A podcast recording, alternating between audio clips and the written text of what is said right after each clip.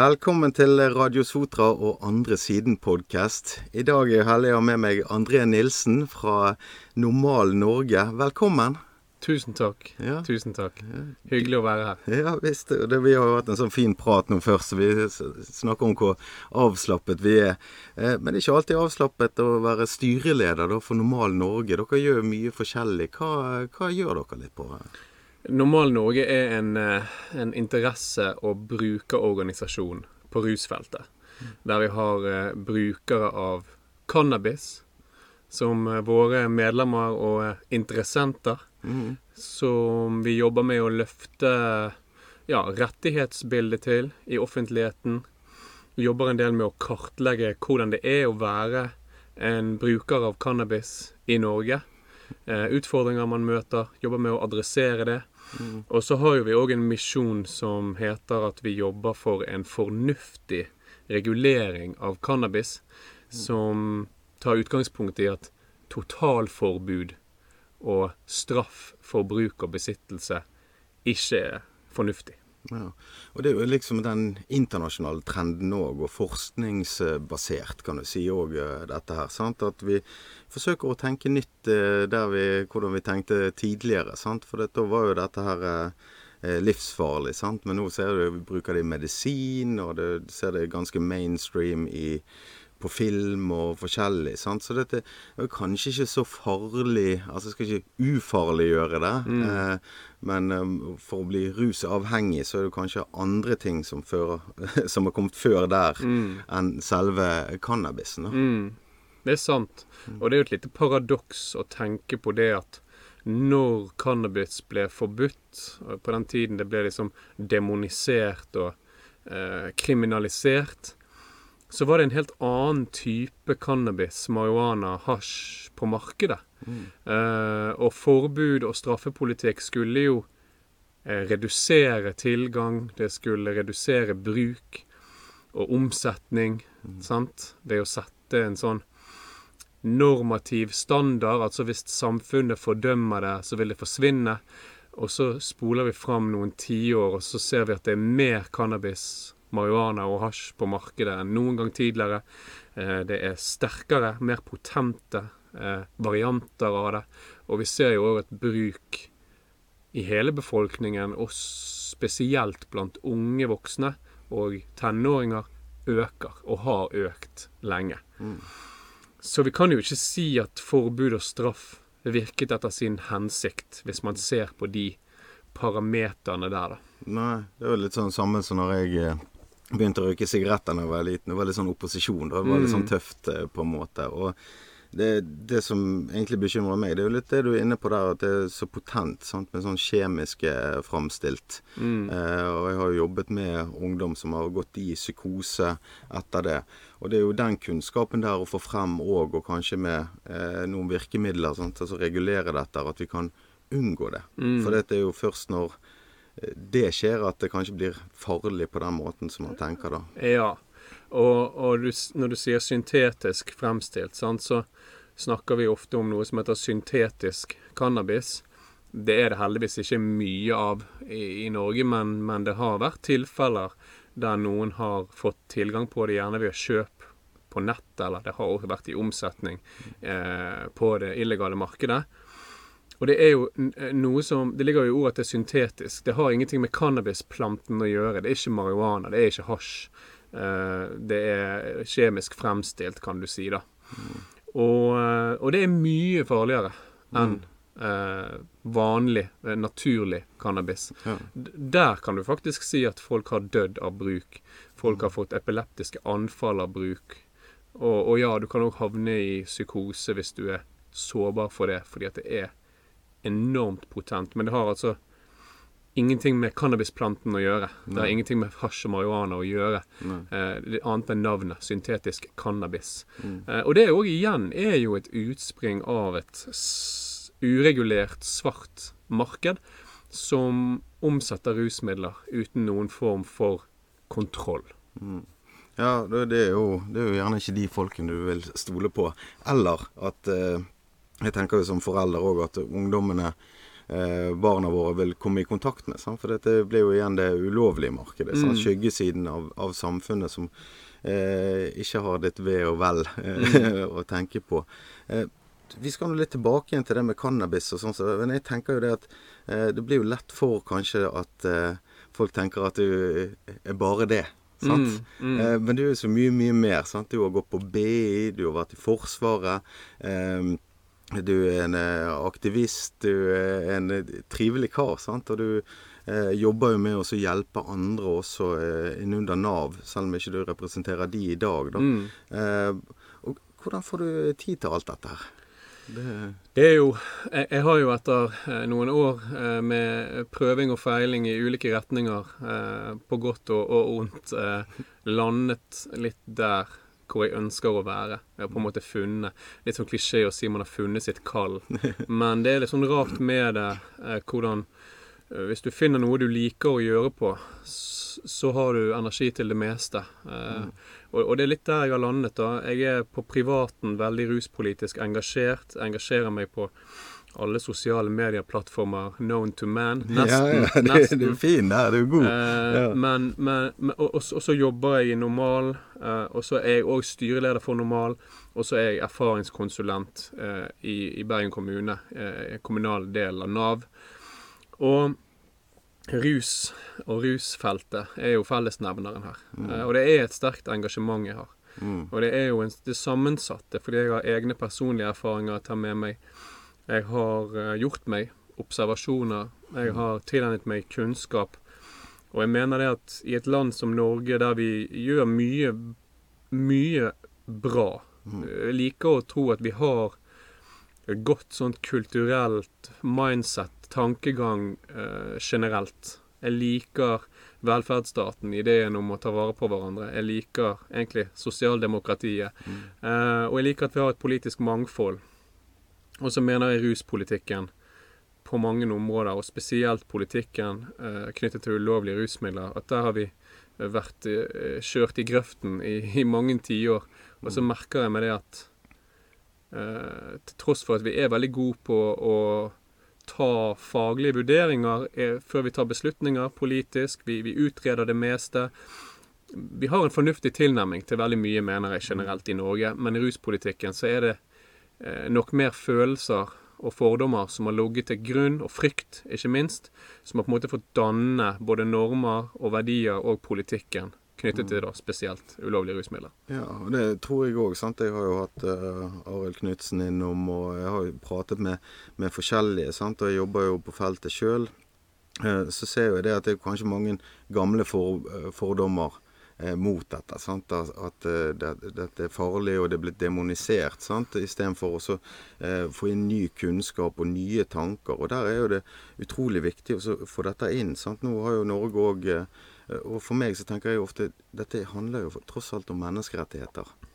For det første. Mm. sant? Og nå så du nå har jo han Snoop Dogg faktisk vært ute og kritisert måten han ble behandlet på. Sant? Mm. At uh, han ble stoppet her i Norge egentlig på uh, antagelse. Mm, Uh, ja, vil du ha urinprøve eller blodprøve? mm, Eh, og det føler jeg er en veldig krenkelse. mm, Uansett. Sant? Mm. Og hvis ikke du eh, tenker på eh, medmennesker som blir krenket, så blir du til slutt krenket sjøl òg. Mm. For dette bare fortsetter og fortsetter. Den friheten som vi har, har ikke bare kommet av seg sjøl. Så dette er jo veldig viktig. Det er et sammensatt bilde her. mm, det er det.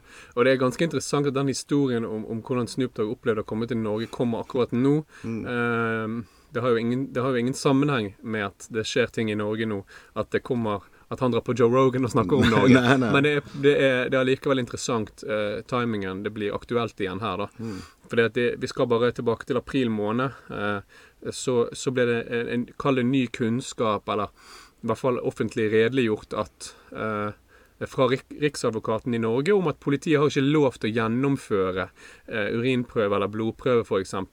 på personer de mistenker for bruk av ulovlige rusmidler. Nettopp fordi at det er inngripende å skulle kreve kroppslige væsker av noen fordi man mistenker de for å ha brukt et ulovlig rusmiddel.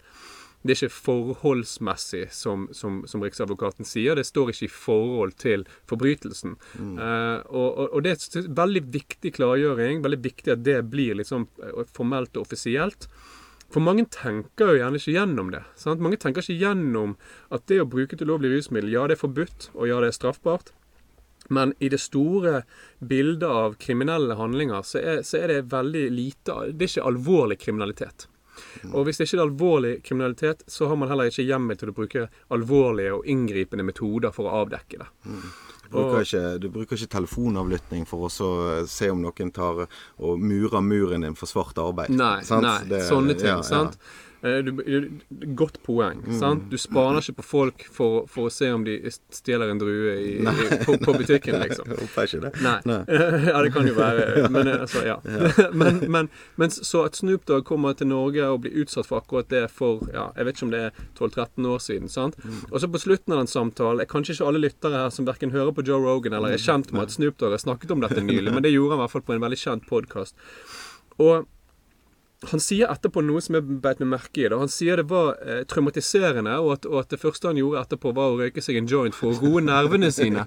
Og, og, og, det ble liksom som en litt sånn humoristisk greie der og da mellom Joe Rogan og, Snoop Dogg. Da, sant? Men jeg syns det er ganske sånn symptomatisk og, og viktig faktisk å, å bemerke seg litt at ok, hvis dette var traumatiserende for, for en verdenskjent, etablert artist, eh, mangemillionær som har ressurser og nettverk rundt seg Riktignok så kommer han fra et land der eh, politiet og, og ruspolitikken i USA særlig rammer eh, fargede. sant? Og, og, og, og rammer skjevt i befolkningen, altså går hardest utover etniske minoriteter, og spesielt fargede i USA. Så han har nok litt politiangst fra før av, da han kommer fra LA og, og California og vokste opp der. Men hvis dette var traumatiserende for Snoop Dogg, så kan du tenke deg hvor traumatiserende det har vært for alle menneskene i Norge som har blitt utsatt for dette. For det er ikke få av de. No. Det er veldig mange som har blitt utsatt for denne typen krenkende eh, og inngripende metoder fra politiet i liksom eh, lys av kampen mot narkotikaånden som har fått, fått etablere seg i politietaten over tid. Ja. Og det er jo sant Vi, eh, vi trenger jo politi, og, men de må jo ha de rammene. Jobbe innenfor de rammene Mm. som, som da samfunnet har gitt dem. Mm. Så dette er jo ingen som sier noe mot politiet heller. Det er jo, vi må ha de rammene på plass. Ja. For dette, ellers så kan jo det der skli ut. Ja. For vi, vi som mennesker og med makt og alt sånt, så historisk sett så har ikke det gått alltid så bra. Nei, vi skal i hvert fall være på vakt. Ja, og i Norge det- så er det nettopp en av de andre fordelene med å bo i Norge, at vi har et åpent og fritt demokrati, der vi tør å se det offentlige i kortene, og det er lov å kritisere. sant? Og jeg har jo snakket mye med ansatte i politiet de siste månedene. Jeg har en egen podkast som heter Normalprat, og der har jeg invitert eh, eh, politioverbetjenter, eh, forelesere ved Politihøgskolen, flere som jobber, jobber på Politihøgskolen. De forteller meg at dette, dette er ting de har lært. Politistudenter lærer på Politihøgskolen og har gjort det i all tid. At du kan ikke bare kreve noen for blod fordi, du, fordi de er røde i øynene eller lukter cannabis, liksom. Men så, har det, men, så, men så merker de seg òg, og har fortalt meg det, at det er en annen kultur i felten på jobben. Der er det en annen kultur som på en måte har fått vokse fram og, og, og bli liksom til den praksisen som har vært. Og jeg, jeg, er ikke, all- jeg er ikke ute etter å ta politiet, men jeg, men jeg mener det er viktig å kritisere der kritikken er berettiget. Og jeg ser ikke noen andre holdninger i politiet nødvendigvis enn jeg ser i den generelle norske befolkningen. I hvert fall Kanskje er vi inne i en endringsfase nå der folk begynner å få litt mer nyanserte syn på ting. Men det er ikke til å stikke under en stol at det er en del stigma sant, som preger den kulturelle debatten og samtalen om, om, igjen, om ulovlige rusmidler. Ja. Ja da, absolutt. Og det der er jo Det er jo litt sånn Jeg tenker jo sånn Hvis jeg får et innspill fra deg på, på jobben min, så setter vi pris på det. sant? Mm. For det er jo litt som vi prater om det å være ydmyk. sant? Og jeg tror jo de fleste setter pris på det. Kanskje noen syns det er vanskelig òg. Og da er det godt for noen utenfra som kommer inn og så har en liten sånn Du, er dere sikre på at det er dette vi skal Mm, gjøre? ja. sant? Eh, og det gir jo utvikling og eh, forbedring. sant? Og det eh, med tanke på hvor denne krigen mot narkotika rammer, sant? og land som vi prøver å hjelpe på andre måter, som er ødelagt pga. at vi skal få ulovlige substanser hit, så har jo dette ringvirkninger. Sant? Og da er vi tilbake til menneskerettigheter, og kanskje hvem vil vi være? Skal vi være de som tar, ja, står skulder til skulder med de som har utfordringer, eller skal vi være de som skubber de unna? Eh, jeg tror ikke det fungerer så veldig bra å skubbe Nei. folk unna på noe som helst vis. Sant? Og det, det kommer gjennom kunnskap. Det, og, det er jo det å være tålmodig når du jobber selv som engasjert mann som deg. Eh, og du var jo med å spre kunnskap eh, i den serien Rus, Mm. eh, så du har vært med i med Leo Ajik. Pratet med han i går, og ja, veldig hyggelig kar. Og han har jo sine meninger her. Og hvordan var det å være med på den serien? Det var veldig interessant og lærerikt, sånn fra et filmteknisk perspektiv, om det er det det heter. Ja. Vi filmet i to hele dager, og det, og det endte med seks minutter på TV-skjermen. Det har jo litt med klipping å gjøre, sant? men jeg ble litt ydmyk for hvor mange timer som går med per minutt på skjermen, hvis du skjønner. Mm. Uh, jeg syns det var veldig interessant. Jeg, jeg var egentlig med de og hjelpe de å finne ulike intervjuobjekter til serien. Spesielt personer som torde å være åpne om at de bruker et ulovlig rusmiddel. Og det var ikke lett å finne, for det er en del stigma rundt det. sant? Eh, og du setter deg sjøl i en posisjon der du uh, gjør deg sjøl til kriminell hvis du sier høyt i offentligheten at det gjør du. Um, nå hadde jo vet jeg at skaperne bak serien, eller eh, produksjonsselskapet, da, uh, de hadde regnet med at serien skulle komme på luften etter at rusreformen, som skulle slutte å kriminalisere bruk av ulovlige rusmidler, var blitt vedtatt. Og så gikk jo ikke den igjennom. Den fikk ikke politisk flertall. Eh, Så jeg vet at serien måtte hive, eller produksjonsselskapet måtte hive seg rundt og gjøre et par endringer der. da. For nå var det kanskje enda vanskeligere å stå fram på TV, nå når det fortsatt skulle være straffbart å nettopp Ja, ja. røyke en joint eller spise en fleinsopp. Ja. Men, men, eh, men Så jeg hjalp de, og jeg sa jo tidlig til de at eh, hvis jeg kan bidra med noe, så vil jeg veldig gjerne gjøre det. Og så fikk jeg en telefon, da. Eh, det var vel i, i, i vår en gang, eller mars-april, tidlig vår, sein vinter. Um, der de spurte om jeg ville være med, da. At eh, de hadde tiltenkt meg en rolle i episode fire som skulle handle om gledesrus.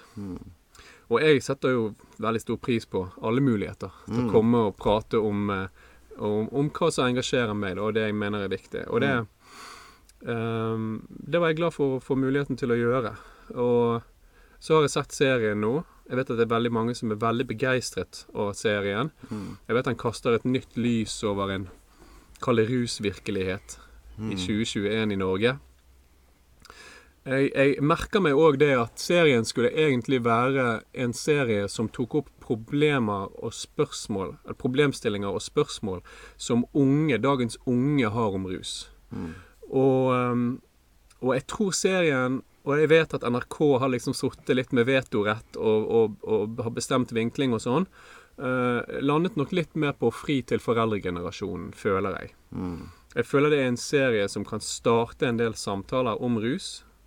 Men jeg føler også at for å liksom ta den samtalen videre, så må du ha Du må ha et sett med kanskje eh, et sett av informasjon som gjerne ikke alle har. Og jeg håpet at serien skulle gi den informasjonen. Snakke litt om hvorfor er noe forbudt, og ikke. Hvorfor, har vi, hvorfor, hvorfor har vi legalisert noen rusmidler, og hvorfor er andre rusmidler eh, forbudt? Og, og er det sånn at alt vi kaller narkotika, er, er det et godt eh, eh, samlebegrep for alle disse rusmidlene, eller er det et spekter blant de for ulovlige rusmidler med ulik risikoprofil og potensielle skadevirkninger? Jeg tror folk hadde fått en forskjellig opplevelse hvis Eh, de hadde prøvd det. Ja, fall, sant. Ja. Og, snak, og, og så syns jeg òg at det er, det er på høy tid å snakke om nytteverdien som rusmidler har. Mm. Jeg så jo, Dette er en digresjon til rus, men jeg så nylig Skavlan, da, der sønnen til Jonas Gahr Støre snakket varmt om en gang han hadde spist psykedelisk sopp. Mm. Ikke ulikt sånn fleinsopp som vokser fritt i norsk natur, men som er straffbart å plukke Mm. og straffbart å spise. Eh, og han fortalte om at det var en opplevelse som, som satte han i kontakt med naturen, og at han følte på en, en mening med livet. Eh, og jeg vet, og jeg hørte òg i kjølvannet av det at det var en del som hyllet han for den åpenheten, og så var det en del andre som mente det var veldig farlig å sitte på Skavlan og liksom uh, omtrent romantisere noe som er uh, et ulovlig rusmiddel, eller definert som narkotika. Og da merker jeg meg liksom det at hvis, hvis for eksempel, og det har jeg sagt i ettertid, hvis Unni Lindell hadde sittet på Skavlan, eller på Lindmo, og, og snakket om hvordan rødvin hjelper skriveprosessen, sant? og at, og at uh, lykkepromille er en viktig ingrediens for å skrive gode krimromaner, så hadde ingen løftet uh, på øyenbryn eller rynket på nesen av det. Nei, Og så er det noen som, som kan. Da er det forventet. Sånn Beatles, Rolling Stones eh, eh, Ja, alle, alle de ikoniske bandene som gjerne eh, da foreldre- og besteforeldregenerasjonen har eh, vokst opp med. Mm. Eh, der var det helt greit. De var jo helt åpne om dette. Ja. Sant? Eh, så dette, det er jo litt sånn dissonans der Ja. et eller annet sted med hva som er greit. Og eh, tanke på alkohol hadde ikke blitt legalisert i dag. Mm. Det tror ikke jeg. Tror Nei. du det hvis du hadde kommet inn nå og så sagt du, jeg har et nytt produkt, vær så god. Det, det er veldig interessant, for det er mange som bruker det, den argumentasjonen. da. Mm. Eh, vi har jo hatt et forbud mot i hvert fall sprit i Norge. Vi har hatt I USA hadde de et forbud mot all alkohol. Det varte vel i tolv år før de skjønte at dette her Kanskje vi lar mafiaen styre omsetningen av rik på det. og selge hjemmebrent og smugle det over grensen. Så de gikk tilbake på det. Så vi har jo prøvd det, da. Vi har jo prøvd å, å holde alkoholbruken nede. Og, og så sier veldig mange at ja, men alkohol er en veldig stor del av kulturen vår. Og så vil jo jeg si at OK, men da har man kanskje ikke sett på det brede spekteret eh, når det gjelder ruskulturen vår. Da. For ja, alkohol har vært eh, et omfattende brukt rusmiddel opp gjennom tidene, men det har jo andre ulovlige rusmidler òg. Og, og en gang var de lovlige.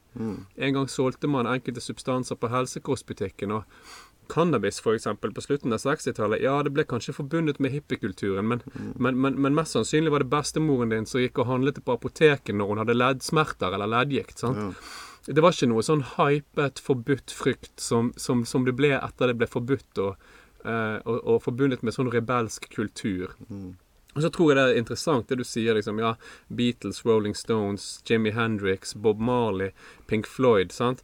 Eh, Dette er jo ikoner. ja, og jeg tror at for det første så er ikke det alle som tenker gjennom at, at det å bruke et rusmiddel som f.eks. psykedeliske substanser var en viktig ingrediens når uh, den Pink kunsten. Floyd så. lagde ja. 'Dark Side of the Moon', liksom. Ja. Men, men så tror jeg òg det at det er lettere for, for de som er litt sånn De som er motstandere av at noen skal bruke ulovlige rusmidler, da. De tenker liksom Ja, men dette er Når de tenker på artister og verdensstjerner, så er det sånn eksentrikere. De er ikke helt som alle andre. Sant? Det på en måte De får et fripass. ja, kan, Ja. ja, de får et fripass. Og så tror jeg at selv med de, så blir rusbruken definert som en slags skyggeside av det å være en kreativ sjel. At de har De skaper mye bra, det er musikken, sant? kulturen de påvirker. Og så tror jeg veldig mange fortsatt sykeliggjør det faktum at de er glad i å røyke marihuana eller eller liker å ta seg en sopptur, for å si det sånn. Ja. Så er gjerne i godt lag når man sjøl drikker. Så Ja, det ja. er de der galningene som, Ja. som gjør det. Men, så skal du si, ja. altså, må si jo det at på 60-tallet, når, når, når i hvert fall hippiekulturen vokste fram, og det var mye bruk av f.eks. LSD og sånn, så var det jo i enkelte kretser en overdreven bruk, og en Ja, ja. uansvarlig bruk. Det var nettopp derfor all forskning på at LSD f.eks. Kan, kan hjelpe mot depresjon, og, å bruke som medisin i sånn eh, eh, psykisk helseøyemed, da. Det ble stoppet nettopp fordi at det kom en sånn backlash av at det var så utbredt enkelte steder at man måtte forby det, sånn at folk ikke skulle misbruke det. da. Ja. Ja. Og det er jo litt sånn Jeg tenker på Jeg forstår jo òg at man vil forby ting sant? når det blir mistes kontroll. Sant? Mm. At det er kanskje det er hammertilnærmingen. Eh, at OK, nå bare gjør vi sånn, og så er Mm. det ferdig. Um, men som du sa òg, at det, det fungerer kanskje ikke over tid. Da? Mm. Da, da er det ul- ulovlige markeder og sånt. Og, og det er jo viktig sånn så det, det, Jeg tenker jo det det er jo ikke her å, å forherlige rusen. Mm. Men jeg tenker de rusproblemene som oppstår, det er jo gjerne de artistene som vi nevnte nå, har jo hatt personlige prosesser. Mm. Eh, psykiske. Sant? Altså det presset. Og det er jo litt der jeg opplever, sant? Som, som ung mann tidligere òg, så har jeg kjent på, på mye av mine følelser. Sant? Altså når jeg eh, denne her eh, norske drikkekulturen var vel kanskje jeg eh, eh, veldig godt med på. Mm. Med, med overdreven bruk i helger og sånt. Og det i seinere tid har jeg funnet ut det at å ja, det manglet jo noe inni meg. sant? Mm. Så det, når jeg gikk ut for å feste, da, så var jo jeg veldig usikker. Jeg hadde uro og alt. Og det hjelper jo alkohol. Det er jo sånn sosialt smøremiddel. Mm. sant? Og så eh, var det bare å drikke videre. sant? Og det var jo ikke ofte så, så veldig hensiktsmessig, da, Mm. kan jeg si. sant? Men etter hvert som jeg fikk gjort endringer hos meg, så så jeg jeg trengte jo ikke den fest, festen på samme måten. Mm. For jeg kunne, kunne drikke meg noen øl, Ja. altså ha, ha det greit. Sant? Og jeg hadde, hadde ro. Eh, og det er kanskje det jeg opplever fra de som jeg har møtt opp igjennom fra barnevernet og alt, at det er jo noe annet der det er en plaget sjel, eller hva, Mm. hva man skal si. Eh, og du har jo kjent litt på, på dette sjøl òg. Eh, hva tenker du rundt det? Nei, altså, og, og, og, og, da tenker jeg eh, først og fremst på, på rus, som vi var litt inne på i sted. Mm. At, at den, den var egentlig veldig god på å få frem akkurat det. Mm. Eh, at, at det ikke er tilfeldig hvem som havner ut i en problematisk eh, avhengighetsrelasjon til rusmidler. rusmidler. Det er ikke russisk rulett. Uansett hvilket rusmiddel du bruker, om det er lovlig eller ulovlig, så er ikke det tilfeldig hvem som blir avhengig. Noen rusmidler har jo høyere avhengighetsskapende grad, holdt jeg på å si. Mm. nikotin, som jeg nettopp eh, Ja. tok en ny dose av nå, og kommer til å ta flere av i løpet av samtalen. Savner en, jeg nå. Ja, ja, ja. Må bare si hvis du trenger. Men, men, men det er jo sånn Jeg tror det er røftlig en tredjedel av de som prøver, blir avhengige. Og det sier litt om at nikotin er veldig avhengighetsskapende. Eh, og kokain også kan være veldig avhengighetsskapende, men selv kokain blir ikke alle avhengige av som prøver det. Eh, De fleste prøver det et par ganger, og så tenker de det var ikke noe for, for de, og noen bruker det eh, på fest uten at det blir et problem, og så, en, så kan en del bli avhengig av det, da. Og, eh, og det tror jeg er veldig viktig å snakke om. Hvorfor er det sånn at noen blir avhengige, og noen ikke? Sant? Og vi, Der har vi kommet et lite stykke, da, eh, mener jeg, eh, i, eh, i Norge når det gjelder den samtalen. Eh, vi, vi, vi assosierer nå kanskje avhengighet og rusproblemer med personer som har underliggende sårbarhet for å bli avhengig. Og det kan være genetisk. Det er ikke sånn avhengighetsgen i, i oss.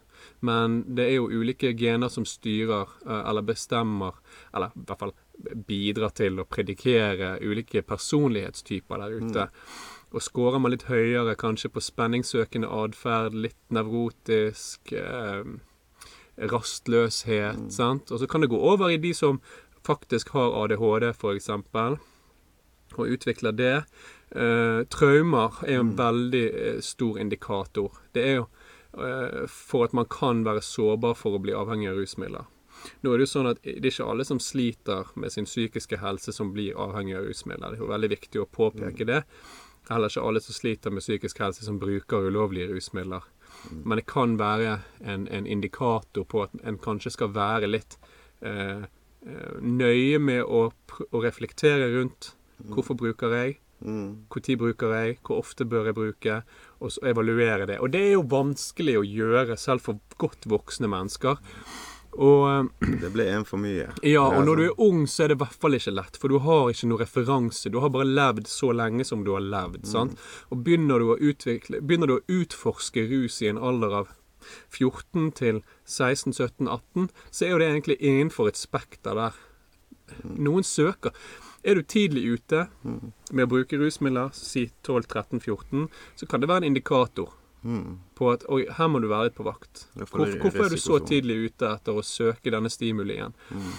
Hva er, hva er det i din hverdag og ditt liv som gjør at du kanskje er litt på minussiden på lykkefølelse og tilfredshet? Mm.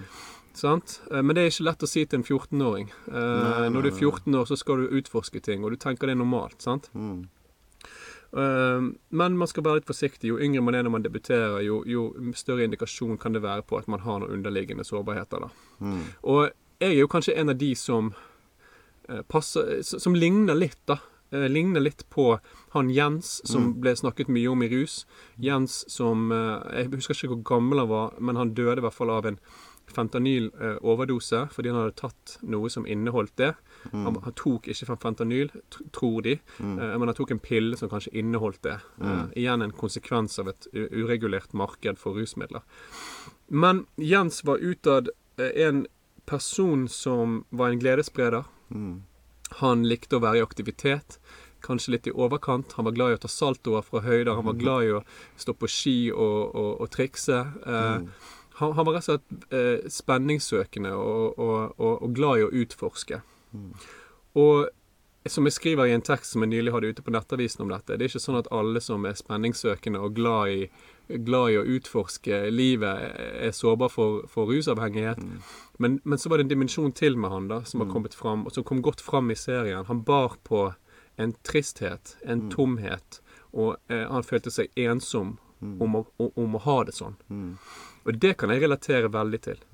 For jeg, jeg har i hele livet mitt kjent litt på det, og kjenner nok fortsatt på det innimellom. At det er et lite tomrom som må fylles med noe. Nå har jeg kommet til et sted der jeg har meningsfulle aktiviteter, som du var inne på i sted. Og trening, nok søvn òg er viktige ingredienser i hverdagen min. Gode relasjoner. Jeg har familie, venner og kjæreste som måte er et godt nettverk. og alle de tingene, når de er på plass, sant, så blir man kanskje mindre søkende i andre retninger. Men når jeg vokste opp, da, så var jeg veldig søkende, spesielt og tidlig ute med rus. Selv om jeg, jeg var, begynte seint med ulovlige rusmidler, så var jeg sånn Begynte å røyke sigaretter da jeg var sånn 13 år. Ja, jeg kjenner meg igjen i det. Og, og, og gjorde det en stund. Så begynte jeg å snuse. Da jeg var 14 år, så prøvde jeg alkohol. Og syntes det var dritgøy. Mm. Jeg tilegnet meg liksom ikke den der festkulturen. Eh, Vi satt hjemme aleine på gutteloftet omtrent. Og jeg kunne være på overnatting hos en kompis, og foreldrene var hjemme. Og når de hadde lagt seg, så gikk vi ned i barskapet og snek til oss en, en, en dram, liksom. Og spilte PlayStation på stigende rus, liksom. Og gjorde ikke noe mer ut av det. Men, men den alkoholrusen, den var så gøy, da. Og fortsatte liksom å gjøre det. Ble ikke avhengig av alkohol. Men hver gang jeg drakk, og jo eldre jeg ble, så drakk jeg litt mer og mer når jeg først drakk. Sånn som du sa, litt sånn helgefylla. Ja, Men det er samtidig sånn etablert norm, da. ja, det er At godkjent. hvis du er den som drar på helgefylla og blir dritings en lørdagskveld, lørdagskveld, så er ikke du en avviker. Nei. Du vil heller innenfor fellesskapets er du eh, forventninger. Ja, Ja, ja, du er, du er sånn kjernen av den norske kulturen. Jævlig kul òg. Ja, Ja. ja, sant? Og, og når jeg liksom da skulle se tilbake, for jeg begynte å utforske andre rusmidler, og det var jo egentlig beroligende medikamenter jeg ble avhengig av, og som gjorde at jeg ble rusavhengig. Men jeg har jo sett tilbake og sett sånn OK, jeg hadde nok rusproblemer Mm. lenge før jeg ble avhengig, og virkelig begynte å eh, ja, søke behandling og innse at jeg hadde problemer. Det kom mye seinere. Men når, i retrospekt så ser jeg jo det at du kan ha et rusproblem uten at du er avhengig. Og du, men du kan òg være avhengig uten at det er et rusproblem. Ja. Noen er avhengig av rusmidler, sånn som jeg sitter og snuser nå. Mm. Det har, gir kanskje en liten bulk på det økonomien. Ja. Og, og kanskje jeg burde liksom ja, finne andre måter å stimulere meg på. Men Mm. i hverdagen preger ikke det meg så mye. Og nå har de satt ned avgiftene på snusboksen, så nå er ingen grunn til å slutte lenger. Ja. Men jeg hørte faktisk at eh, sånn eh, kirurger og sånt Ja. Jeg hørte eh, i USA ta nikotintygges, for du får sånn fokus ja. eh, av nikotin. Så dette, det påvirker oss eh, nok eh, mer enn eh, Det er ikke vitenskapelig. Mm. jeg har ikke kilde på det, men eh, det, det har jeg hørt. Så det, men det påvirker jo oss. Sant? Men det er jo litt interessant det du sier. Det er, du kan ha et rusproblem uten å være avhengig. Mm. Uh, og da, da kjenner jeg litt igjen den helgefylla-opplegget uh, som jeg har kjent på. For det, det når jeg ser tilbake inn i ettertid, så var det for å gjemme meg. Mm. Sant? For det, det var noe annerledes i meg. Sant? Jeg òg kjenner meg igjen i det du sier. Litt sånn urolig ung mann eh, med, med følelsene gjerne litt utenpå kroppen, og ikke egentlig kjent med følelsene mine. Mm. Og jeg måtte jo jobbe lenge for å bli kjent med de følelsene, og bli venn med de. Og at jeg var god òg. Mm. Eh, eh, og når det var over, så har jeg jo hatt en helt annen tilnærming når jeg skal på fest. Mm. sant? Og, og eh, det tror jo jeg kanskje òg eh, kan ikke kommuniseres ut nok, egentlig. sant? For det er jo ikke bare bare det å vokse opp i dag og, og ha alle disse følelsene, og så er det mye fokus og du hører fra den andre eller den hin, sant? men det, det å kunne følge sin egen vei og, og anerkjenne seg sjøl, Mm. det blir vel vanskeligere og vanskeligere. Ja.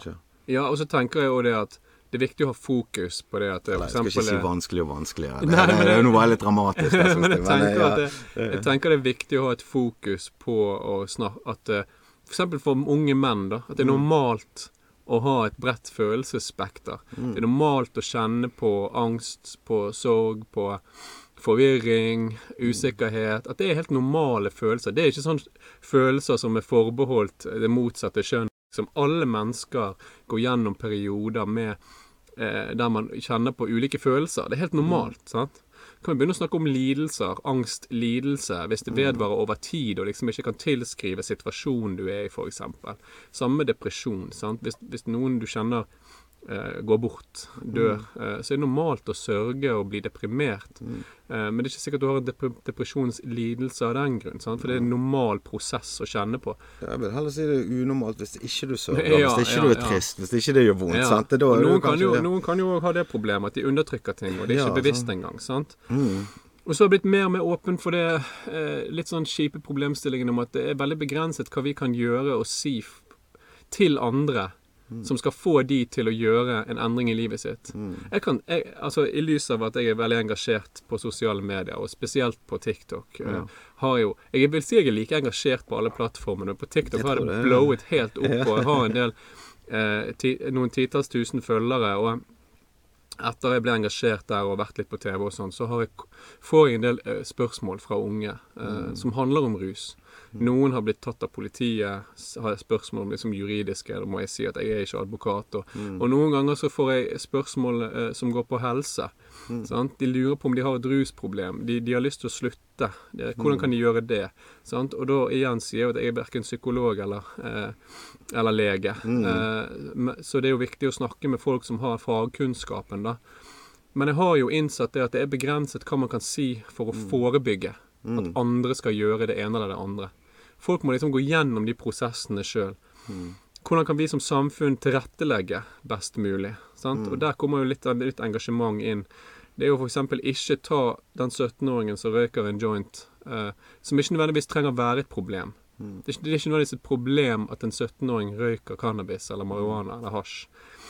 Eh, men, men det kanskje blir det problemer når vi som samfunn bruker ressurser på å sette håndjern på dem, gi dem forelegg og et stempel som kriminell.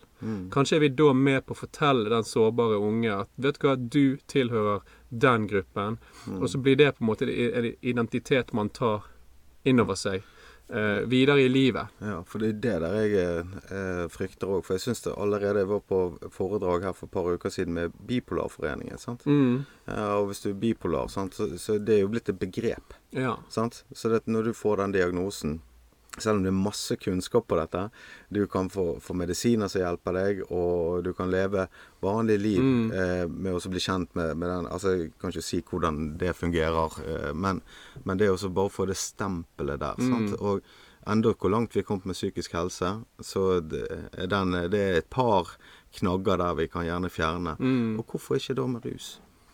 Nei, Hvorfor kan ikke vi fjerne de knaggene? Altså, du sier det, det er mange som syns det er vanskelig å snakke om. Det opplever jo jeg òg. Og, eh, og det å få den knaggen så, ja, Han er tidligere Mm. rusavhengig. Sant? mm, Han henger ikke Det er ikke gjev, gjev tittel, det. Det, det. Men det, hvorfor skal vi trykke hverandre ned?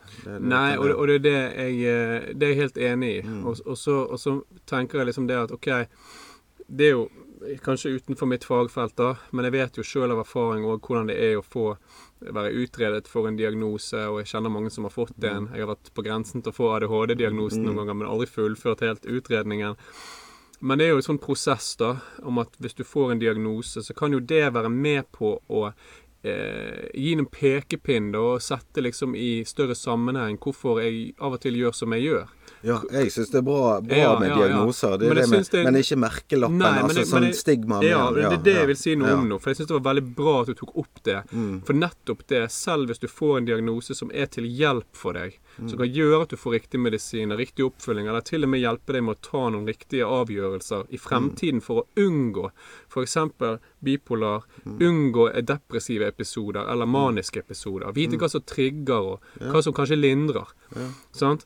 Men selv da så går folk rundt med eh, kanskje en stigma hengende over seg, fordi Mm. at vi har en brokete historikk når det gjelder å se disse altså, se enkelte mennesker Mm. som, som, og bare putte de i en slags kategori som er negativ. Og det er jo veldig vanlig, det må jeg bare si. Mm. Bacheloroppgaven min på BI handlet om å bekjempe stigma mot cannabisbrukere, og, Ja. og ved hjelp av sosial markedsføring. og eh, Da, da leste jeg en del eh, eh, eh, professorer innenfor sosiologi som, som sier at det er helt menneskelig å putte folk i kategorier og bokser. Ja. Og det, det å tenke sånn stereotypisk om oss sjøl og andre, mm.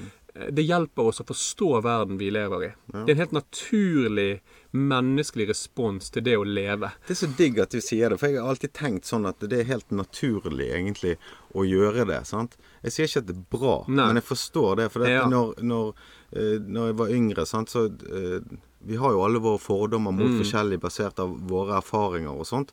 Eh, så ser jeg tilbake på det og så sier jeg Og det var veldig enkelt. Mm. Det var jo veldig enkelt. Ja, svart er svart, og hvit er hvit, ja. og blå er blå, og grønn Ja. er grønn. sant? Altså, at, at du bare har plassert det. Du har Mm. bokset det. Og så forstår jeg verden sånn. sant? Ja. På samme måten som gjerne religion òg. OK, sånn er, Mm. er det. Veldig lett for meg. Her er de ti levereglene. sant? Eh, ikke snakke ned den religionen, det er ikke det, men, men, eh, men eh, at ja, bokse folk inn, så var litt eh, Ja, og hjernen vår er en, eh, et organ det òg som, som søker å spare energi. Ja. Eh, og derfor kan vi òg gå i så, såkalte tankefeller ganske ofte i vår egen hverdag. eh, i, i, I krangler og diskusjoner og konflikter med våre nærmeste. Sant? Så er det ofte småting som blir veldig sånn eh, misoppfattet, eller beror på misforståelser. da. ja, kommunikasjon det Ja, er ja. kunst. Og det, ja. sånn gjelder det òg med grupper og individer og, og samfunn. Vi, Mm. vi putter ting i enkle kategorier, sånn at det blir lettere å leve, rett og slett. Og det gir jo mening, sant? For Mm. da bruker man ikke så mye energi på å forstå alt rundt seg. Men jeg tenker det at eh, når, når vi skal straffe noen da, for, for en handling sant? Mm. Eh, For hver gang jeg snakker om, eller vi, vi, vi på min side av gjerdet holdt jeg på å si, snakker om at vi må slutte å straffe ulovlig rusbruk, så får du så spørsmålet Ja, men det er jo forbudt av en grunn, og det kan vi diskutere. Hvorfor er det forbudt? sant? Så ser man at historikken der òg er ganske kronglete. Eller begrunnelsen. Men, men det som er med straff, er jo det at uh, straff er jo ment å være et onde uh, som, som samfunnet påfører, påfører individer eh, som, som på en måte bryter loven. Og straff må derfor begrunnes grundig, nettopp fordi at det er stigmatiserende og det er ment som en belastning. Mm. Og det å bruke et rusmiddel i seg sjøl, det er noe folk putter i sin egen kropp. Helt Og i utgangspunktet frivillig, ja. ja. Og det å putte noe i andre sin kropp uten at de vet det, er jo straffbart. Det er strengt ulovlig, ja. Men det, det går ikke utover noen andre enn brukeren sjøl. Hvis du skal snakke om skadevirkningene, så er det først og fremst den som gjør det, som utsettes for faren. Mm. Og jeg er litt sånn Ja, det er viktig samtale å ha, men jeg vil ikke si at all rusbruk er å direkte skade seg sjøl. For det kan ha verdi, det kan ha nytteverdi. Det er en grunn til at folk gjør det. sant? Det er derfor folk tar denne lønningspilsen for å styrke samholdet på jobben. Eller det. er teambuilding. Eh, drikker litt på 17. mai, sant? for det løsner på stemningen. Og jeg mener det er viktig å se all rusbruk i det lyset, da. Eh, men så sier folk ofte sånn OK, men hvis du vil fjerne straff for ulovlig rusbruk, eller vil gjøre det, det og det er lovlig, hvorfor kan ikke bare fjerne fartsgrenser på veiene, da, for eksempel? Sånn, Hvorfor har vi lover og regler? Og hvis du kjører på en motorvei uh, i, i 150 km i timen, mm. så skal ikke det så mye til før du potensielt krasjer med noen andre, eller utsetter andre for potensiell livsfare, og, og deg sjøl, ikke sant? Så det kan òg gå utover andre på samme måte. Med rusbruk så er det mer sånn det er, kan, det er mye vi gjør som potensielt kan skade oss sjøl. Og hvis, hvis skadepotensialet for rusmidler skal gå ut, eh, skal være argumentet for at noe er straffbart, hvis vi skal bruke den logikken på andre aktiviteter i samfunnet, så er det veldig mye vi skulle forbudt i skadeforebyggingens øyemed. Ja, sukker iallfall. Hadde røket Sukker, fort. overspising, overspising, det å spise for lite, um, det å bare ikke ta vare på helsen sin. Ja, men annen ekstremsport òg, da. Eh, fallskjermhopping, Alt har vært eh, slalåm. Bedriftsfotball. Ja, ja, bedriftsfotball er jo livsfarlig. Det vet alle som har vært borti det. Ja. det, det ja, nytteverdien der er nesten tvilsom, men selv er der er det noe. Ja. Men jeg syns det er interessant i rus igjen, da. Så, så snakker de om å forebygge, og jeg syns at eh, Rocketman, som liksom er familien til Jens sitt, sitt prosjekt for å gjøre at hans dødsfall skal få en bredere mening og betydning, og ikke minst hjelpe andre unge ut av rusproblemer. De har en sånn tilnærming at de dømmer ingen som bruker rusmidler, men de har lyst til å lage tilbud om aktiviteter som er gøyere enn rusen. Og det syns jeg er en veldig fin sånn eh, inngang til, til utfordringene knyttet til problematisk rusbruk. Men så ser jeg jo det, at aktivitetene de bedriver, er jo eh, kajakkpadling, kajakkpadling, eh, det er rappellering ned svære bygninger.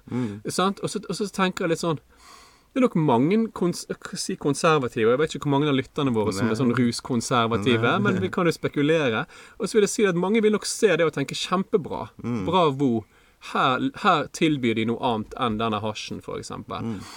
Mens hvis du ser objektivt på det, så kan jo faktisk kajakkpadling og det å, det å trene på å snu kajakken kan jo i verste tilfelle føre til drukningsdød. Ja. Og, og, og, og, det å gjøre en liten tabbe når man skal rappellere ned en, en, en svær bygning, er jo at man faller og blir lam eller dør. Ja. Så, så risikoen her Eller du kan bli en adrenalinjunkie. Ja, ja, ja, og det er jo den, noe, sant? Men risikoen her er jo, jeg ville si, i, i disse alternative aktivitetene like stor som den rusbruken som den skal forebygge, eller verre. Ja. Og for, for meg så er jo alt dette handler jo om å redde liv. Eh, til syvende og sist, sant? Når, når ting går virkelig gale. Eh, men jeg tror jo innerst inne at alle mener godt. Eh, og de som vil straffe, og de som vil eh, finne nye løsninger. Eh, men så er det litt sånn Hvordan skal du møte? sant? Det er jo det som er utfordringen. Du tar en diskusjon med folk om barneoppdragelse, så vil noen si det at Ja, jeg eh, gir de en liten lapping. og det funker. Mm. Da vet de hvor skapet Mm. står. Eller det er reprimande, eller det er husarrest. Og eh, ja, hvis de er flink på Noen tar den Hvis du er flink på prøven, så får du 100 kroner. Mm. Sant? Altså, det er forskjellig. Noen er belønning og straff. Um, men kanskje vi, det å høre med de det faktisk gjelder, Mm. og så lytte, det er det som fungerer best. Mm. Eh, og de sier jo gjerne, eh, de som jeg møter, det er kanskje ikke at straff fungerte så Mm. veldig bra for de. Mm. Jeg har ikke møtt noen som sa at de lærte så veldig mye fra, fra fengselet, eh, eller å bli stigmatisert, puttet i en bås. Eh, de ikke bli trykket enda lenger ned. Og så bruker vi da masse ressurser på mestringsopplevelser og eh, gode tiltak, og det er en lang prosess med å få folk tilbake inn i samfunnet der vi vil ha de, Mm. og, og hvis de ønsker sjøl, da, der de vil ha for sin betydningsfulle hverdag, eh, så kanskje vi kan begynne med utgangspunktet, da. Eh, for det er jo eh, feilsøking, tenker jeg. sant? Mm. OK, dette fungerer ikke. Det er ikke en god opplevelse å bli straffet. Eh, det gjør ikke noe for selvbildet mitt, det gjør ikke noe for menneskeligheten min. Eh, ja, OK, kanskje vi skal prøve litt med litt omsorg og forståelse Mm. og lytting. Ja. Sant? Det er jo kanskje, kanskje der vi Jeg føler at vi er på vei, da Mm. Og så for, forsøker jeg å forstå de som eh, tenker straff. Eh, det er helt greit, det, for det, vi er alle forskjellige Mm. mennesker. Men jeg tenker jo Ja, men kanskje vi forsøker noe annet, da? Det plager jo gjerne ikke de som Mm. tenker straff, for de er jo kanskje ikke de som er forbrukere av dette produktet i utgangspunktet. Ja. Og jeg tenker det at ja, i, i, et, i et fritt demokrati så skal det være lov å ha ulike meninger, eh, Mm. og selvfølgelig oppfatninger. Mm. Og så er jo jeg for liksom fra den aktivistbiten om at ja, men straff og ulovlig rusbruk, det kan aldri bli greit. Eh, Mm. men, men OK, no, Nei, men noen altså, tenker og deg er enig i det. Ja, det, det vet jeg. Det er enig, vet jeg. Sant? Men, men, men det er liksom det der òg at vi Hvis vi kan nå de som OK, kanskje, Mm. kanskje du kan se her kan, Vi prøver, da. Ja, for på, poenget mitt her er, er Mm. nettopp det at jeg vet nesten uten forbehold at de som mener at straff mot ulovlig rusbruk er nødvendig, Mm. at de mener godt. Mm. Det, det jeg ingen tvil om. Mm. Eh, og jeg, kjenner mange av de. Ja. vi, er, vi er bitre debattfiender, holdt jeg på å si, offentligheten, men når jeg treffer de, så prater vi og har en god relasjon. Det er i hvert fall mitt mål med alle jeg møter, eh, Mm. også meningsmotstandere. For det er òg et fint symptom på et eh, godt og velfungerende samfunn, ja, samfunn. ja. Um, men så er det nettopp paradokset her, da. For det at vi sier det at ja, OK, vi har kanskje aldri møtt noen som uh, mener straff hjalp dem. Men det kanskje er det fordi at meg og deg er veldig ofte i kontakt med personer som har utviklet uh, problematisk rusbruk og avhengighet. Mm. Uh, og, det, og det er jo nettopp det. Sånn som i, i Norge i dag, så har vi en, en måte å møte f.eks. unge mennesker som Mm. bruker cannabis, og blir tatt av politiet i å gjøre det. Mm. De blir satt på såkalte eh, ruskontrakter Mm. der de får beskjed om at hvis de holder seg rusfri, eller i hvert fall cannabisfri, Mm. eh, i et eh, tidsrom på ett til to år, så vil de slippe da å få rulleblad. Mm. Og det er jo sånn at det skal gi påtaleunnlatelse. Og gjengjeld da så må man møte til noen møter til aktivitetstilbud som kan være bra. I Bergen, eh, og jeg vet ikke hvordan det er i alle andre regioner, men så har de sluttet med såkalte urinprøver. da. Mm. Men i mange deler av Norge så driver de fortsatt med urinprøver i tillegg. Mm. Og hvis du da viser at du har cannabis i systemet ditt eh, etter noen måneder, så får du kanskje en sjanse til. Mm. Ryker du på cannabisen igjen etter noen måneder etter der igjen, så kanskje dropper du ut av det programmet, og du får den straffen. Mm.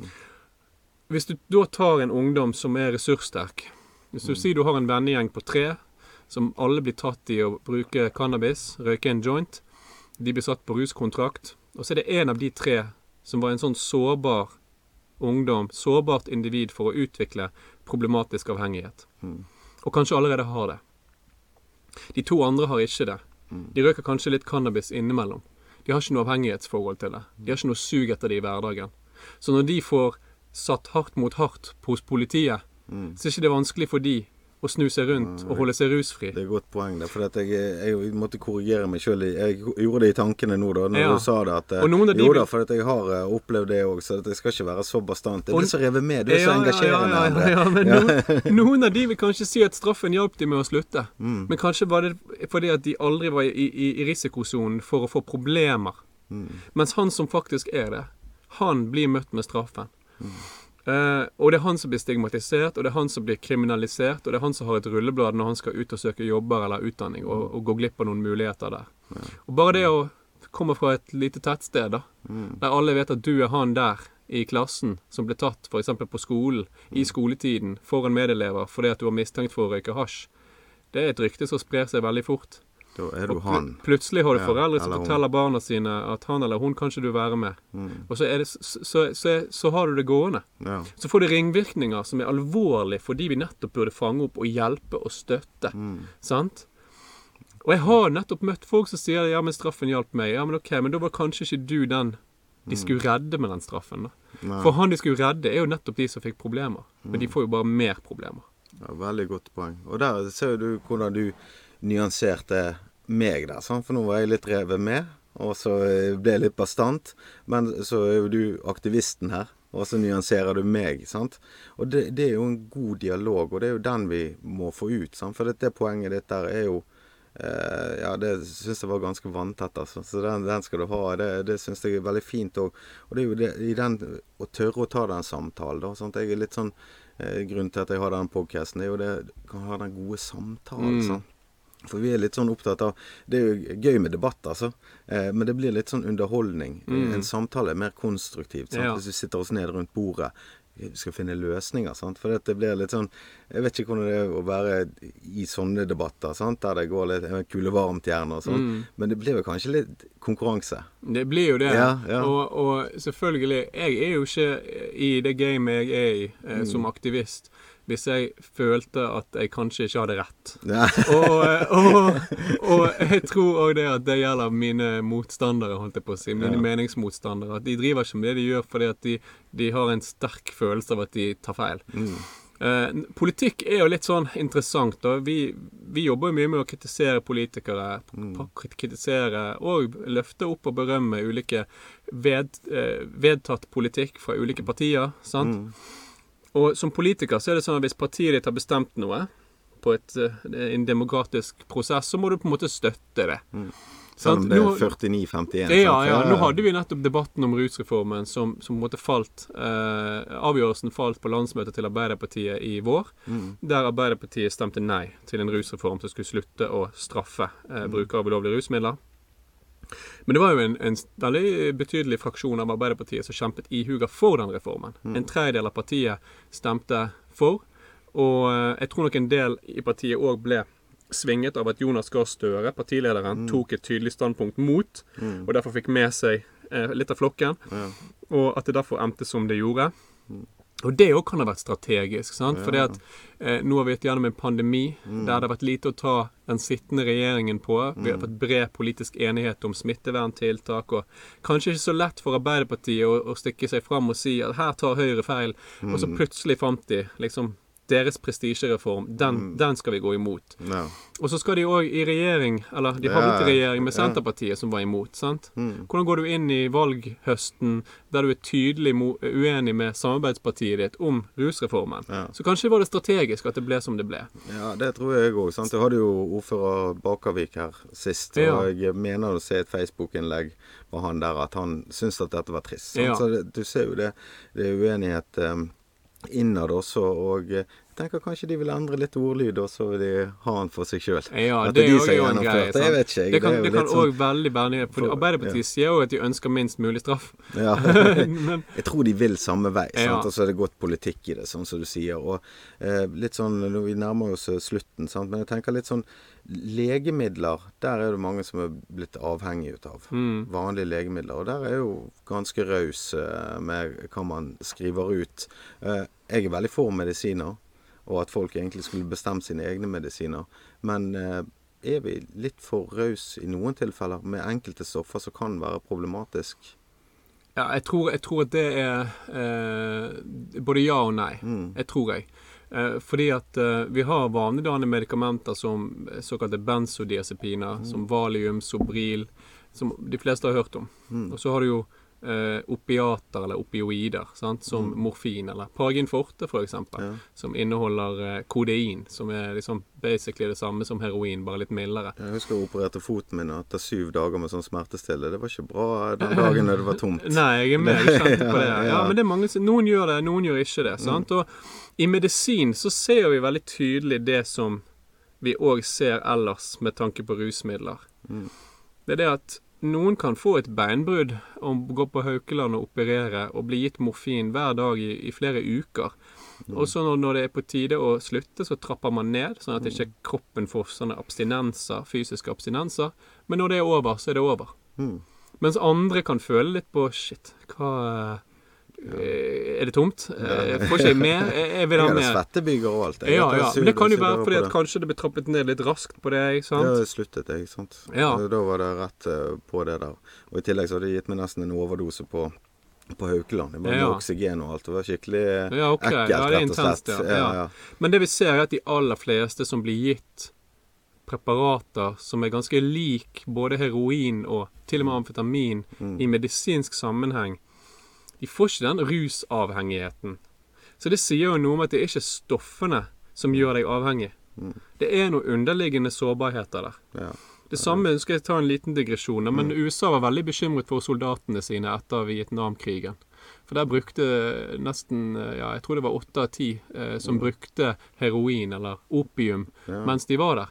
Ja, og det var jo veldig hensiktsmessig, for det var jo et forferdelig sted å være. Ja, ja, ja. Så det De var var veldig krig, tydelig sant? årsak. Trengte det, og Mm. det, det hjalp på. sant? Og, og så var de veldig redde myndighetene for å få hjem horder av, av rusavhengige, holdt jeg på å si, eh, hjem igjen til statene. Men så skjedde ikke det. Mm. Nettopp fordi at majoriteten som kom hjem, de sluttet uten problemer. De kom hjem til et Kom hjem til familie, liv, venner, Ja. nettverk, karriere, jobbmuligheter osv. Mens den biten som ikke hadde det på plass før de dro, eller som, som hadde falt fra mens de var vekke, Mm. de ble avhengige, de fikk problemer. Og det sier mye om at rusavhengighet kommer av noe underliggende. Det er det som altså, predikerer sannsynligheten. Ja. Så vil jeg si om legemidler, da, som, som du spurte om. Um, ja, i noen, i noen perioder så har vi kanskje vært for uh, gavmild, holdt jeg på å si, eller lite restriktiv med enkelte substanser. Man har innskrenket det en del eh, de siste årene. Man gir ikke nødvendigvis ut uh, vanedannende med beroligende eh, sånn uten videre lenger. Ja, Men det er jo noen som du- trenger det. Ja, altså, det er jo veldig hvis- viktig at de som som det får vil- trenger det, Det er nettopp det jeg vil, vil det. si noe Ja. om nå. Fordi at ja, hvis du er førstegangsbruker holdt jeg på å si, av disse medikamentene, så er terskelen lavere. Mm. Hvis du har søvnproblemer eller du er i en personlig krise og du ikke har noe historikk, så kan du fint, sikkert fint få Sobril av legen din Mm. hvis han ser det som hensiktsmessig. Hvis du har en historikk, sånn som meg, Mm. og jeg hadde mistet hele familien min i morgen, holdt jeg på å si, så tror jeg legen hadde vært ganske betenkt med å gi meg samme beroligende for å dempe sorgen min. Nettopp fordi jeg har den historikken Ja. med eh, problematisk rusmiddelbruk. Og jeg kan skjønne ideen, men skal jeg nekte smertelindring på, Mm. fordi at jeg har en historikk? Er ikke det kanskje ekstra viktig å gi meg litt smertelindring, sånn at jeg ikke begynner å søke i andre retninger? Ja. sant? Ringe en gammel venn. Ja. Ja, Og så vil jeg si det f.eks. om kroniske smerter, da. For der gis det jo ut øh, smertestillende som har en rusgivende effekt. sant? Mm. Og noen av disse pasientene får vedvarende plager, kan du si, fordi at det er ikke meningen at du skal gå på dette her år etter år. Mm. Det er meningen at du skal gå på det kanskje noen uker, og så slutte. Blir du gitt enkelte medikamenter, så kan kroppen bli fysisk avhengig. Spesielt med vanedannende medikamenter, så er det en grunn til at det heter vanedannende medikamenter. Det påvirker vanen din over tid.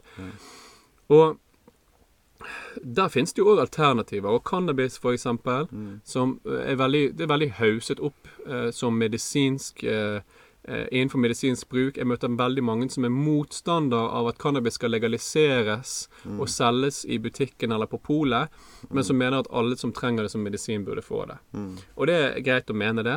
Jeg mener at eh, cannabis er tryggest på et eventuelt pol enn eh, på gatenivå, holdt jeg på å si, uregulert. Men cannabis er veldig vanskelig å få tak i som pasient. Mm. Nettopp fordi at det har den auraen over seg. Som narkotika, som ulovlig, som rusmiddel. Så personer, og jeg har møtt mange som har vært reist til utlandet for å få resept, som har byttet ut morfinen med cannabis. Og har da mindre plager, som følge av bivirkninger, og som har samme, omtrent samme smertelindring som når de gikk på eh, mer vanedannende, mer farlige medikamenter. Ja, og nå eh, Jeg ser jo at vi kommer til å gå over tiden her, så dette får Resten får, får man høre på Spotify eller YouTube eller der du får podkasten din. Eh, men akkurat det der er litt interessant, for det, der har jeg en litt sånn eh, konspirasjonsteori òg. Altså det, både jeg har, har en venn av meg som, som eh, pga. medisinering og forskjellig ble ufør, og, og får testo, testosterontilskudd. sant? For den medisinen som han fikk, tok testonivået hans. Um, men i mellomtiden der fikk jo han veldig mye eh, antidepressiva og alt for å finne ut av hva det var. sant? Men eh, mannen var jo helt på felgen, og var, ja, på et veldig mørkt sted. Eh, og, men, men når han fikk den testosteronen, så var han tilbake igjen. Men det er jo òg et stoff som det er fordommer mot, på samme måten. Men testosteron er veldig billig. Mm. Det er ingen patent på det. Og det er jo ikke noe patent på planten marihuana heller. Eh, Kan det være en årsak? Det er kommersielt sett. Ja, jeg, jeg tror være Jeg tror ikke du trenger å kalle det for en konspirasjonsteori. For det egentlig handler det om, om veldig vanlig økonomi. Eh, Selvfølgelig er det mer lønnsomt å selge noe som en bruker trenger mer av, som koster mer. Eh, det gir mer profitt. Så derfor er det sånn at legemiddelselskaper ikke alltid er like motivert for å gi billigere, mindre vanedannende alternativer. Fordi at for eksempel når det gjelder depresjon, da, jeg syns det er veldig godt uh, Ja, det er godt grunnlag å sammenligne det på, da. Sant? Der har vi antidepressiva, vi har stemningsstabiliserende tabletter som man må ta hver dag for å holde det på et nivå som er liksom eh, normalnivå, og unngå å bli deprimert eller få svingninger i humør og, og, og sinnsstemning. Men det er selvsagt det at det er mer eh, lukrativt å både eh, omsette og produsere og selge til en kunde. For det, pasienter blir jo kunder av disse selskapene. Ja, ja. Så det er jo profitt man tenker. Ja. Og det er liksom misjonen til alle bedrifter. Det er å tjene penger. Og så skal jo ikke vi eh, trekke ned det heller, for kapitalismen har jo en bra greie der. at, at, vi, at vi den profitten som de får, produserer de enda mer og enda bedre løsninger. Og det vi får bedre medisin. Det, det, det, det er det jeg vil si. Det er det jeg vil si, det er at det, er ikke for å demonisere. Folk snakker om big pharma. Og ja, noen store legemiddelselskap har svin på skogen. De har holdt tilbake informasjon om skadevirkningene av produktene sine Det er. Volkswagen og Volvo òg. Ja, det er Volkswagen og Volvo òg. Ja. Eh, men det blir liksom ikke den store skandalen. De får økonomiske bøter, men folk tenker kanskje ikke at det er så kriminelt å liksom eh, jukse litt på CO2-utslippdataene sine. Enn enn- enn- enn det er å lyge om Oxycontin i USA, og at det ikke er så veldig avhengighetsskapende, og så Mm. viste det seg å være det. Men for eksempel psykedelisk sopp, da, som, som vi snakket om. Det var 60-tallet så forsket man mye på psilocybin, som er virkestoff i både fleinsopp og, og annen sånn psykedelisk sopp. Og Det man ser i dag, er at det kan være nyttig i behandling av depresjon. Og det kan ketamin òg, f.eks. Nå har vi en klinikk i Norge, eh, Helse-Norge, jeg tror det er på Vestfold eller noe sånt, eh, på, på akuttposten der, som behandler behandlingsresistent eh, depresjon med ketamin. Det vil si at ingen andre metoder har fungert, så nå prøver de ketamin. Og det er jo altså en behandling som krever én dosering, kanskje en gang i året, eller et par doseringer i året. Ja. Som da er en dramatisk tilnærming, eh, endring i tilnærming til en sykdom, enn det man har hatt tidligere. Sant? Fordi at en vanlig person som blir deprimert, får gjerne disse medikamentene man må ta en av hver dag.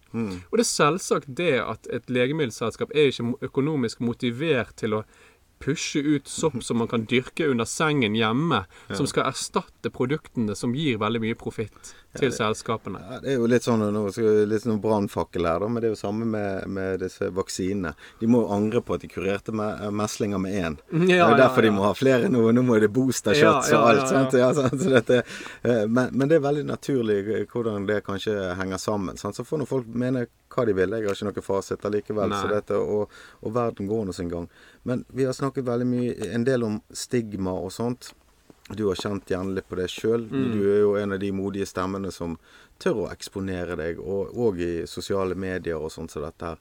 Eh, hvordan er det å være så åpen som du er? Ja, det er et godt spørsmål, for jeg tror det ligger veldig mye i min natur å være åpen. Eh, så du kan nok sikkert sammenligne min åpenhet med andre som, som ville eh, fortalt at det knyter seg i magen deres bare ved tanken på å gjøre det jeg gjør. Og det er ikke for å skryte, men jeg er glad i det. Jeg søker Ja. det. Jeg syns det gir meg spenning og mestring og glede. Mm. Folk er forskjellige der. Jeg er nok litt sånn introvert òg på mange områder. Mm. Men, men for, sånn, fra et sånn markedsføringsperspektiv, da, eh, så syns jeg det er litt sånn eh, interessant å se hva nytteverdi, eller hva endring kan jeg bidra til? Hva nytte kan jeg bidra med til samfunnet? Og jeg er jo overbevist om at jeg har en verdi å komme med. Sant? Eh, bare si fort det der med at man mener man har rett i saken sin. Ja. Heldigvis, da, og det er ikke yeah. nevnt, men forskningen er på vår side når det gjelder bruk av straff mot ulovlig rusmiddelbruk. Forskning viser Jo, at straff Ja, bra. Sant? Ja, ja. Så, så det hjelper jo på. Men allikevel, jeg er overbevist om at jeg gjør noe nyttig her. Mm. Men jeg er òg veldig bevisst på det at uh, min åpenhet er jo med på å fargelegge uh, oppfatningen folk har om meg. Mm. Og jeg liker å tro at jeg har personlige egenskaper og kvaliteter som på en måte kan overstyre folks instinktive tankegang når det gjelder Når de hører eh, at noen man har hatt et rusproblem, eh, at man har vært avhengig, at man har vært nær på å kjøre seg sjøl i grøften pga. en type atferd man har bedrevet tidligere. sant? Eh, og, men, men, men viktigst for meg er nettopp det, da. At um, til tross for at jeg kjenner på det innimellom, for det gjør jeg Mm. Og når jeg begynte med dette, så kjente jeg òg på en vegring eh, blant familie, nærmeste familie. Uh, ikke så mye venner, men, Mm. men familien min spesielt var litt sånn Jeg trykket ikke 'liker' på innleggene mine på Facebook. De holdt litt avstand. Og jeg har i kulissene blitt fortalt at er det da noe å drive med, da? Mm. Men så har det gått noen år, da. Så jeg har sett at ikke, ikke bare har jeg fortsatt med det, men jeg har kommet et sted der jeg har en stemme for mange. Og det har de begynt å anerkjenne. Ja. Og noen av de har til og med endret mening og støtter meg nå. Og åpent støtter meg. Ja. Til og med tanter som er uenige med meg, sånn i saken, eh, trykker liker og skryter av engasjementet. Ja. Så det er jo veldig fint, sant. Men viktigst, det som troner det, Mm. det er jo nettopp det at Og det er litt i lys av det jeg studerte på skole òg, med liksom Hvordan, hvordan bryter man stigma? Hvordan eh, endrer man folks holdninger og meninger?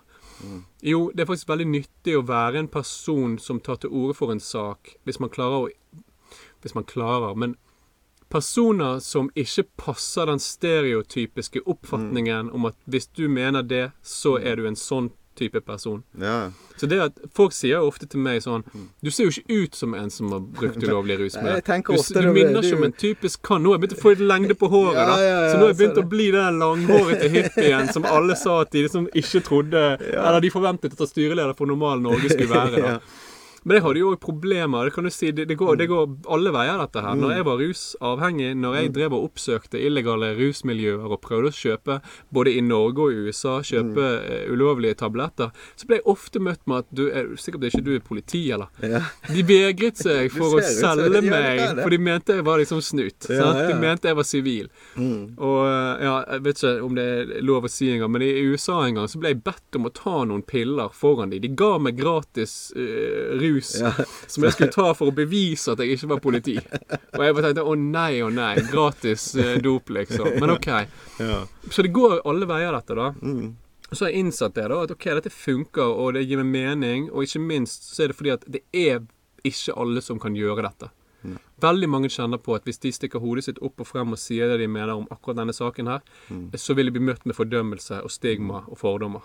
Og det er sant. Det har jeg sjøl òg blitt. Mm. Jeg har hørt det i privat sammenheng at eh, ja, f.eks. for eksempel hun jeg er kjæreste med nå, fikk en liten sånn heads up av en venninne som ikke kjenner meg. Men hun visste det var noe med rus med han der. Så vær litt forsiktig. Skjønner du? Og, og, og jeg har liksom òg merket det selvfølgelig i noen kommentarfelt, at du får liksom det der narkis-stempelet fordi at du taler en sak eller forteller om en historikk. Men det er, det, det, det er faktisk overveldende lite negativ feedback. Nei. Det er det. Og litt sånn i nettvettet òg, Jeg sier jo ikke alt jeg tenker til enhver tid. Nei. Eh, Og det er jo litt sånn på, på nettet òg. Det går jo an å trykke 'unfollow'. Ja, jeg vet Sant? det. Hvis, det, Så- hvis folk er, er der. Sant? Ja. Så det kan jo hende at det er en liten endring på vei, da. At vi er litt mer omtenksomme i, Ja eh, i SoMe. Det er sant. Mm. sant? Og det tror jeg, det tror jeg er sånn mer den voksne befolkningen òg burde bli litt mer flinkere på å tenke. Mm. For de har mer kapasitet til å faktisk forstå det hvis de begynner å gruble litt. Mm. Og det har jo kidsa òg.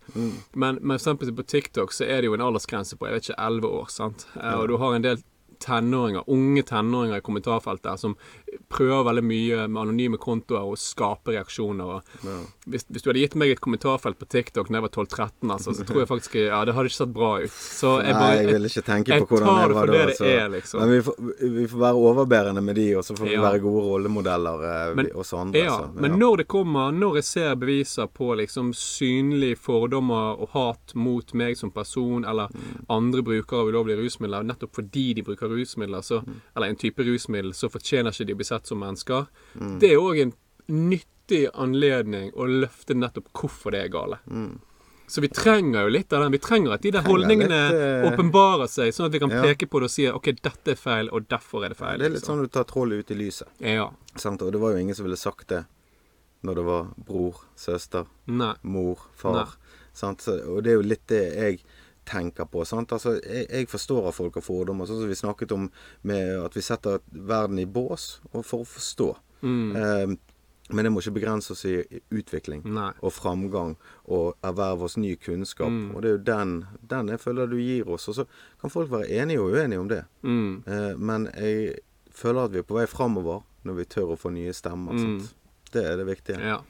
ja jeg tror det, det, det, er helt, det er helt enig og jeg, jeg tror det er viktig å se folk for de menneskene de er. Vite det at det er ikke alt vi kan påvirke.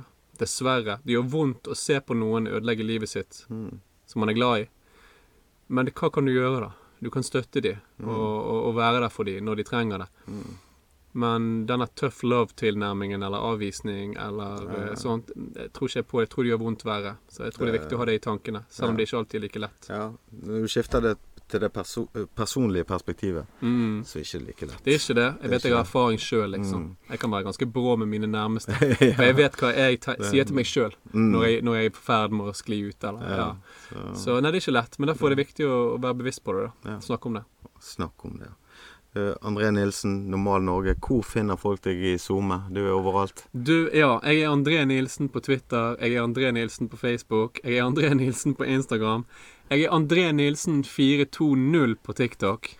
Og da tror jeg vi har eh, nevnt de, eh, de mest relevante kanalene. Ja. Ellers så eh, finner man link til Snapchatten min på TikTok. Ja. Så ja, det er mulig å oppdrive de fleste steder. Fantastisk. Og denne podkasten kan du følge mer om på Instagram og Facebook og, og YouTube-kanalen Andre siden pod, hvis du eh, vil se meg og André her. Eh, André Nilsen han er ganske biff, så dette er bare å følge med her. Eh, og eh, eh, så kan du få med deg podkasten på Spotify og eh, ja, alle andre steder du får podkast. André Nilsen, tusen takk for at du var her i dag. Takk for at jeg fikk komme. Veldig hyggelig. Det var det.